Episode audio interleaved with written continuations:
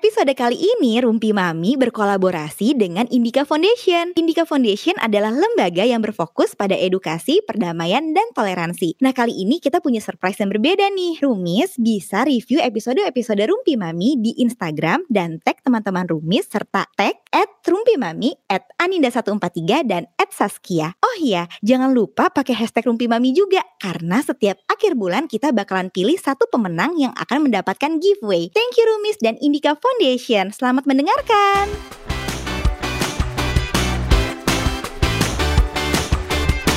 Hai Rumis. Hai Rumis. Wah. Hai Saski, apa kabar? Eh, tough. Memasuki tahun ajaran baru normal. Iya. Aduh, kamu gimana? Kira Saga sekolah gak sih sekarang tuh? Ya, jadi se gimana ya? Se sekolahnya sebenarnya dari pihak sekolah tuh memberhentikan program dia nih kalau sekarang. Jadi oh, gitu. maksudnya lebih ke arah karena sebenarnya jatuhnya tetap hmm, ada online jadi hybrid on nggak hybrid sih online learning sebenarnya dari kemarin-kemarin jadi lebih yang biasanya kan dia masuk tapi lebih ke kayak cuman ngelihat dari uh, apa sih kayak Zoom atau Skype dan lain sebagainya terus kayak 15 menit terus ada another video yang gitu-gitu lah ya jadi oh, iya. cuman kan karena umurnya masih dua tahun gitu ya, ya dua tahun jadi maknya juga kayak ya udahlah kita cari kegiatan baru yang bisa melengkapi hal ini berakibat yeah. sekolah memberhentikan lah nih yang di usia-usia dia nih untuk saat ini. Oh. Ay gimana Ay? Ai juga kalau Ai kan baru masuk hmm. di apa namanya tahun ajaran ini kan dia kelompok bermain. Hmm. Jadi kemarin tuh kayak gue tuh udah sempet bayar semua biaya sekolah tuh dari bulan Januari dari sebelum pandemi ini gitu. Eh, iya, iya. Terus kayak ya gimana ya kayak gini ya udahlah lanjutin aja gitu kan. Nah terus kemarin akhirnya baru tahu kalau biasanya tuh jadi Ai tuh sekolah di sekolahnya UNE dulu. Terus tuh oh, okay. biasanya kelompok bermainnya tuh paling banyak apa sih minatnya gitu. Jadi makanya dulu tuh biasanya tuh dibikinnya tiga kelas dan tiap kelasnya tuh kayak ada sekitar 10 anak gitu kan. Mm. Kemarin cuma ada satu kelas dan isinya tuh cuma tujuh anak. Parah sih. Iya iya iya ya, paham gue. Soalnya kemarin juga jadi jadi gitu ya. Jadi maksudnya Uh, tapi itu gue sebenarnya melihat pada saat kondisi pandemi ini terjadi, terus ada perubahan kan kalau Ayah baru masuk ya, kalau gue kan sebenarnya Saga udah masuk dari awal oh, tahun nih iya, gitu. Iya. Jadi gue udah ngerasain dari dari mulai dia uh, belajar biasa, tiba-tiba kita harus di rumah gitu. Hmm. Nah itu tuh yang membuat gue lebih ngeh bahwa oh ini nih kalau gue milih sekolah anak mau itu preschool, TK atau SD itu harus dipikirin sih. Ya, bener. Karena kelihatan banget ketika ada situasi yang terjadi kayak gini yang bukan maunya semua orang tuh kelihatan banget sekolah mana yang uh, mereka sangat berusaha untuk membuat learning points di anaknya terjadi dan gimana caranya gitu dua arahnya tuh kejadian. Gue sih ngeliatnya gitu ya kalau ya, kemarin. Ya. Karena kayak uh, kalau sekarang tuh posisinya lebih ke dibalikin ke orang tua kan lebih ke ini mau dilanjutin atau enggak terus kalau dilanjutin tuh mau kayak gimana jadi waktu itu gue mikir aduh sayang banget dia harus programnya harus agak di adjust apalagi sekarang di usia dini ya Nin yang bener-bener ya, sebetulnya uh, cepet-cepet banget nih si perkembangan otaknya terjadi. Nah, ya. gue pengen tahu sih dari pendapat lo dulu nih sebelum kita jauh ngomongin hari ini mau ngapain. Oke. Okay. Uh, kita ngomongin pendidikan usia dini di zaman new normal kayak gini gitu. Menurut lo sebenarnya masih diperlukan atau enggak sih? Iya, masih sebagai lo praktisi kan? Untuk untuk untuk sekolah nih ya, untuk sekolah ya. Mm -hmm. Jadi sebenarnya kalau tadi sih gue pas baca-baca gitu terus gue mikir sebenarnya kalau orang tuanya kreatif, jadi maksudnya kayak bisa memberikan pelajaran pembelajaran di rumah uh, itu udah cukup gitu. Karena kan sebenarnya kan otak anak itu bener kata lo tadi uh, mereka kan lagi bener-bener berkembangnya nih otaknya gitu. Jadi kayaknya tuh sayang kalau misalkan masa ini terlewati gitu. Apalagi kalau misalkan nanti dia umurnya udah lebih besar biasanya uh, bukan apa ya maksud tuh jadi kayak udah lebih banyak uh, hal yang dia pengen tahu gitu loh. Jadi sayang maksud gue kalau misalkan sekarang tuh dia masih umur 2 3 tahun tuh masih lebih banyak yang bisa dia pelajari gitu. Hmm. Nah, terus udah gitu kalau misalkan tadi balik lagi kalau orang tuanya kreatif, sebenarnya tuh bisa belajar di rumah aja bersama orang tua. Tapi kalau misalnya ternyata orang tuanya juga heboh banyak yang diurusin menurut gue nggak ada salah juga kalau misalkan mau sekolah karena itu bener-bener apa ya kebebasan buat orang tua sih untuk milih gitu. Itu gue mau nambahin juga sih. Jadi uh, waktu sebelum pandemi kan sebenarnya orang pertanyaannya lebih ke gue perlu nggak sih masukin uh, anak ke preschool gitu. Iya. Pada saat apalagi kan kalau Saga tuh ya. Iya, Saga hmm. dari 18 bulan dari Walkers. Jadi dari dia jalan dan segala macam. Pada saat ini pertanyaan juga sama. Jadi sebenarnya perlu nggak sih masuk preschool atau enggak gitu. Since gue juga punya sekolah kan sama bokap yang ada juga dari preschool. Bener sih, gue mau point out bahwa uh, bagaimanapun pendidikan anak usia dini tuh penting ya. ja, Nah, penting di sini tuh adalah sebenarnya ada kegiatan terstruktur yang bukan terstruktur sih, yang kita rencanakan dan emang sengaja buat menstimulasi dia, ya nggak sih? Benar, benar, Dan benar. kalau uh, benar kalau ibunya cukup kreatif, ibunya mau uh, ngurusin ini itu sebenarnya sendiri dari programnya uh, dan ada waktu dan ada tenaga, itu apa-apa lo kerjain. Uh-uh. Tapi ternyata pas pandemi ini gue mendapati insight baru sih uh, untuk gue yang maksudnya menyekolahkan anak gue juga uh, mungkin enlightenmentnya gue dapat bahwa dari sekolah tuh biasanya udah ada kurikulum jadi gue nggak capek ya. mikir bener ya, jadi kita tinggal jalan gitu kan. Tinggal jalan. Paling enggak dipermudah sama hal itu gitu. Jadi kalau kita cari sendiri kan kadang-kadang kita bikin dulu apa namanya skemanya segala iya. macam. Well, lo mau gue bisa. alat-alatnya iya, gitu benar-benar kan. nyari alat-alat itu bisa. Tapi uh, karena banyak kerjaan lain yang gue juga mungkin gak sempat mikirinnya atau gue pusing mikirinnya, akhirnya lebih enak somehow kalau gue tetap uh, mengacu pada kurikulum sekolah, gue tinggal ngikutin gitu, tinggal ngulangin kegiatannya. Jadi half-half yeah. sekolah kasih, gue juga kasih. Nah, mm -hmm. tapi kan problem sekarang tuh Nin menurut gue uh, uh, ibu-ibu tuh atau kita lah ya sebagai ibu-ibu yeah. tuh iya. kan gedek ya bayar dengan uh, nominal yang sama banyak lah yang gedek gue tahu yeah, yeah, tapi yeah, terus uh-huh. kayak service yang jadi kita juga uh, bersusah payah pada pada saat uh, anak belajar ini sih yang gue mau tanya gitu sebenarnya uh, worth nggak sih kalau kita tetap masukin preschool dan preschool kayak apa ya yang sebenarnya bisa kita masukin kalau kita mau memaksimalkan atau mengoptimalkan tumbuh kembang anak kita nih gitu. Uh, ini gue mau cerita dari sebelum pandemi aja kali ya Sas. Jadi maksudnya ya, kayak betul. apa aja sih sebenarnya yang perlu kita siapkan sebelum kita masukin anak ke preschool karena tuh kadang orang tua tuh suka bingung gitu loh. Terus kayak biasanya tuh ngikut-ngikutin temen ya gak sih kayak anak gue udah masuk ke preschool A, ya masa gue nggak masuk sih? Uh, apa namanya anak gue masa nggak gue masukin teman gue aja masuk kok ke preschool A misal kayak gitu. Jadi sebenarnya waktu pas dulu gue kuliah S2 psikologi apa sih psikologi usia dini? Nah, lupa psikologi anak usia dini. Iya ya psikologi anak usia dini. Pernah sekolah gak sih lo gitu? Nah itu itu jadi ada lima ada lima hal yang uh, gue inget waktu itu dosen gue bilang jadi yang pertama tuh anak tuh perlu disiapkan dari kemampuan hmm. dia bahasa bahasa tuh kayak dia udah bisa hmm. bicara walaupun misalkan memang belum jelas banget gitu kalau misalkan umur satu setengah tahun atau dua tahun kan emang ngomongnya masih terbatas banget kan yep. uh, terus juga ada kemampuan uh, dia bisa uh, apa namanya kemampuan mendengar pasifnya tuh juga bisa gitu. Jadi kalau misalkan dimintain uh, tolong untuk ambilin barang atau apa dia juga ngerti gitu. Nah, terus itu yang tadi ya uh, bahasa, terus yang kedua ada dasar kemandirian. Jadi dia kayak uh, berani, terus udah gitu dia percaya diri, udah punya dasar-dasar itulah. Terus yang ketiga dia bisa mengontrol diri dengan baik. Jadi misalkan nggak tiba-tiba gaplok temennya dia gitu. Jadi pokoknya dia punya uh, kontrol dirinya oke. Okay. Terus yang keempat dia bisa bersosialisasi. Maksudnya di sini tuh kayak uh, mau meng apa ya membangun hubungan relasi dengan teman. Jadi misalkan kayak mau kenalan, terus udah gitu mau mau main sama teman kayak gitu. Terus yang kelima adalah ini yang penting banget ternyata adalah memiliki berbagai pengalaman sebelum sekolah. Jadi kalau misalkan uh, kenapa kita perlu ngajarin anak kita di rumah nih, misalkan nyanyi-nyanyi lagu anak-anak kayak atau misalnya bikin-bikin prakarya kayak itu sebenarnya itu ngaruh banget nih buat nanti ketika dia sekolah gitu pengalaman-pengalaman tadi itu gitu dan ini uh, selain kita lihat dari sisi anak tadi, kita juga bisa lihat nih kesiapan orang tua sama kesiapan sekolahnya gitu. Kalau kesiapan orang tua udah pasti ya dana pendidikan, terus udah kayak gitu. Yang kedua nih yang penting banget adalah orang tua tuh perlu banget mau bekerja sama sama sekolahnya, apalagi kalau udah kayak gini. Jadi kalau misalkan pandemi kayak gini kan kita nggak mungkin dong ya semua mau kita lempar ke sekolah ke sekolah terus tanpa kita mau ngajarin anak kita. Itu nggak bisa gitu. Jadi memang orang tua itu perlu bekerja sama dengan pihak sekolah juga. Dan tadi yang ketiga ada kesiapan sekolah. Ini ada beberapa hal yang mungkin uh, Bu Ibu Rumis perlu catat karena ini uh, ini loh yang perlu dicari tahu sebenarnya ketika kita mau memasukkan anak kita ke sekolah.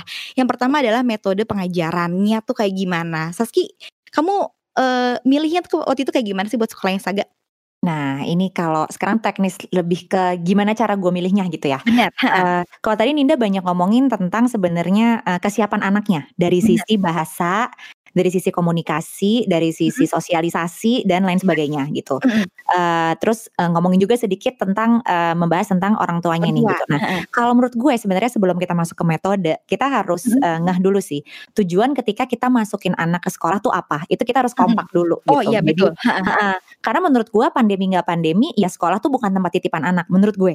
Iya benar ya. banget. Uh, karena itu kelihatan banget waktu pas gue masukin Saga ke sekolah itu, namanya kan anak usia dini ya, semua tugasnya kan ibunya yang di email kan, bukan dia iya. kan, yeah. bukan tugas sih. Kayak misalnya dia harus show and tell besoknya bawa apa, itu kan ibunya yang nyiapin kan. Dan bayangin gak kalau semua temennya bawa barang yang ditugaskan di hari itu dan dia enggak kasihan kan sebenarnya. Yeah. Nah di situ aja udah kelihatan orang tua mana yang sebenarnya engage dan merasa sekolah ini prioritas mana yang enggak gitu. Banget. Uh, kelihatan banget kan Nin kayak. Uh, banget gue sampai terkejut kayak ya oke okay lah kita lupa sekali-kali. Tapi kalau setiap saat itu lupa ini mungkin sebenarnya bukan prioritas gitu. Jadi yeah. kita mesti mikir dulu sebenarnya kalau kita masukin anak sebenarnya nggak ada kewajiban anak di bawah tiga tahun tuh harus disekolahin. Jadi kalau kita masukin sekolah kita harus bersepakat dulu nih sama tujuannya. Terus kedua visi misi orang tuh bukan visi misi sih kita tuh punya value apa di rumah kepingin anaknya besar seperti apa. Betul. Itu masuknya ya. ya nanti ke metodenya ya, ya. ke nah, kita jadi nyari nyari sekolah yang seperti betul. itu gitu pertimbangan. Misalnya kayak ada beberapa keluarga yang memang mau dari awal tuh sekolahnya udah mulai memasukkan nilai-nilai agama dengan lebih jelas. Oh, itu saya. ya. Uh, tapi ada orang tua yang mungkin lebih condong ke kayak beberapa karakter lain gitu dan ya, maksudnya nggak ada yang salah juga ada gitu. Salah. Jadi yang mana uh, itu kita kesesuaian lah dengan sekolah tuh value-nya kayak gimana. Nah, hmm. itu uh, pertama dulu gue kan karena rumah gue area Bintaro ya. Jadi kayak gue mencari Bintaro BSD nih. Semua sekolah bener-bener gue datengin. Dari mulai jadi gue dari mulai kayak gue browsing. Terus gue nanya juga sama lo kan kayak beberapa pertimbangan gitu. Gue cari preschool tuh yang mana aja yang menerima anak umur minimal berapa. Bahkan dari hamil gue cari.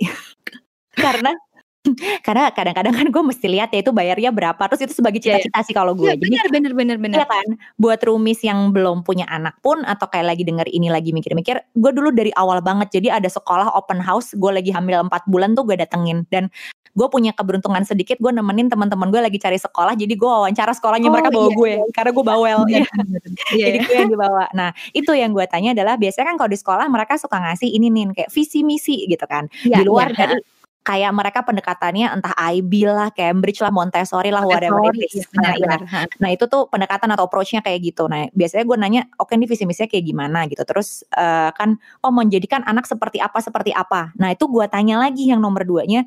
Nah cara lo, cara pihak sekolah untuk mencapai karakter-karakter ini itu seperti apa?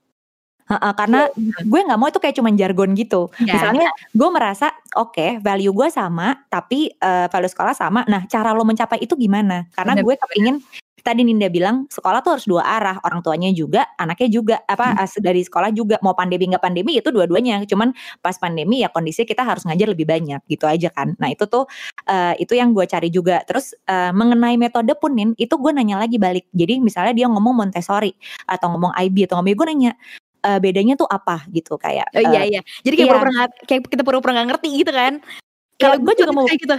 benar gue membuka chance gue nggak ngerti juga karena yeah. gue pengen lihat sekolah welcome gak sama yeah. pertanyaan gue. Iya. Yeah. kan? Nah, gue tanya tuh gue tanya kayak gue sempat ke satu sekolah lumayan agak ilfil. Dia bilang uh, Cambridge gitu dia bilang. Oh dia bilang uh, dia pakai British Cambridge. Terus gue tanya bedanya British Cambridge sama Cambridge biasa apa? Ya beda di aksen aja bu. Kayak nggak serius gitu loh menanggapi gue. Nah itu note yeah, pertama. yeah, yeah. ya kan? Uh -huh terus, terus assessment gue tanya. Ini juga penting. Mm -hmm. jadi gue nanya uh, kan tadi uh, gimana caranya program belajarnya apa yang dia lakukan mencapai mm -hmm. si hal-hal tersebut yang value-nya sama sama lo ngukur kemajuan anaknya dari mana? Jadi gue juga bisa dapat report dari situ. Nah gue aja assessment itu cara penilaian rumis. Oh iya benar benar, benar. sorry sorry. Nah rapot rapot. Ya rapot. Nah itu uh, dan gue lihat juga raportnya tuh kayak gimana hmm, yang dia ya. lihat apa gitu. Nah itu matters buat gue. Jadi ya, benar uh, waktu itu gue bertanya seperti itu dan yang membuat gue jatuh hati sama sekolah anak gue adalah si adminnya tuh dan orang sekolahnya tuh bener-bener yang semua pertanyaan gue tuh dia sampai ngeluarin semua dokumen gitu sigap dikeluarin. Karena kan gue udah main ke semua sekolah. kata dia gini aduh nih si ibu nih rempong Dan bahkan oh satu lagi gue nanya, eee, sekolah memberikan training nggak buat guru dan seberapa sering? Oh iya Karena iya, iya, heeh. karena guru harus update. Itu Mhm. gue tanya semua, eee, karena beberapa sekolah yang gue tanya mereka kayak nggak menganggap gue serius gitu kan, atau Iya. kayak mereka jawabannya ngawang gitu. Mhm. Nah alhasil nih ketika gue mengalami si pandemi ini, ya kan gue belum tahu ya kalau karakter kan panjang. Iya. Tapi melihat dari gelagat sekolah nih menjawab pertanyaan gue atau menyediakan dokumen-dokumen gue, itu pada saat pandemi mereka membantu banget. Jadi kayak, oh ibu-ibunya pusing, mereka komunikatif banget. Ibu-ibunya Mhm. pusing ngajar, mereka nyediain toolkit sendiri. Jadi kayak kita nggak usah eee, nggak usah milih-milih, mereka ngirimin toolkit ke rumah, kayak gitu loh. Nah, iya iya iya Nah iya. iya, jadi gue tidak sampai hari ini gue nggak menyesal memilih si sekolahnya Saga, karena gue merasa baik dari gue dan gurunya ini komunikatif, terus semua pembelajaran tuh diatur sedemikian rupa biar mencapai tujuannya gitu. Itu kalau Iya. dari gue sih. Jadi gue lebih Iya. ke hal-hal selain yang tadi lo sebutin masalah kesiapan, karena gue masukin jadi lebih kecil kan. Jadi Iya. gue nanya juga nih dari sekolah tentang metode, kurikulum, cara Mhm. pengukuran dia, dan juga bagaimana mereka memberikan proses pembelajaran ke anak Nah. gitu. Ada yang mau tambahin nggak Ya, ada ada ada ada. Jadi kalau tadi kan udah tuh yang di eee, omongin sama Saski. Mungkin ada Mhm. lagi tambahannya kayak misalnya nih karena anak-anak kan masih kecil banget tuh kalau preschool ya, umurnya masih Mhm. 3, 2. Mungkin bisa ditanya juga jadi kayak ada hari liburnya nggak sih dalam 1 minggu itu gitu. Betul. Kalau Berapa misal lama sekolahnya iya, ya? durasinya berapa lama, gurunya satu kelas ada berapa, muridnya ada Betul. berapa, itu penting banget karena kalau misalkan ternyata keroyokan dan gurunya cuman 1, bisa kebayang kan kira-kira kayak gimana nanti proses apa namanya, pembelajarannya di sekolah Mhm. gitu. Terus juga ada beberapa sekolah yang suka ngasih PR, jadi better ditanya kalau misalkan nanti nih udah selesai pandemi gitu, mau cari-cari sekolah bisa ditanya, "Ada PR atau enggak sih?" Gitu. Terus juga biaya, ini penting banget nih Sas, Mhm. biaya tuh soalnya tuh kadang ada yang, eee, ternyata ada uang kaget gitu loh di belakang. Jadi misalnya ternyata biayanya tuh belum full gitu, jadi da sat apa namanya, pembayaran bener di bener. depan, tiba-tiba 3 bulan kemudian, "Eh ada lagi Bu ada lagi Bu, nanti, eee, mau karya wisata ada lagi Bu," gitu. Jadi kayak Pentas-pentas ya. iya, god pusing. Jadi mendingan ditanya itu udah all in apa belum gitu. Dan, eee, satu lagi sih jarak. Kalau menurutku tuh Oh jarak benar. penting banget karena kadang tuh ada beberapa sekolah yang mungkin kita suka tapi ternyata jaraknya jauh banget nih kalau misalkan kita bawa anak kita gitu. Kasihan banget jangan-jangan dia udah bisa tidur 2 kali gitu kan di mobil Jadi udah nggak mood kasihan. sekolah ya. Iya Iya, iya iya. bener bener bener bener. Nah Nah tadi balik lagi nih Sas, heeh, ke kegiatan yang tadi orang tua kalau misalkan Mhm. orang tuanya kreatif gitu kan.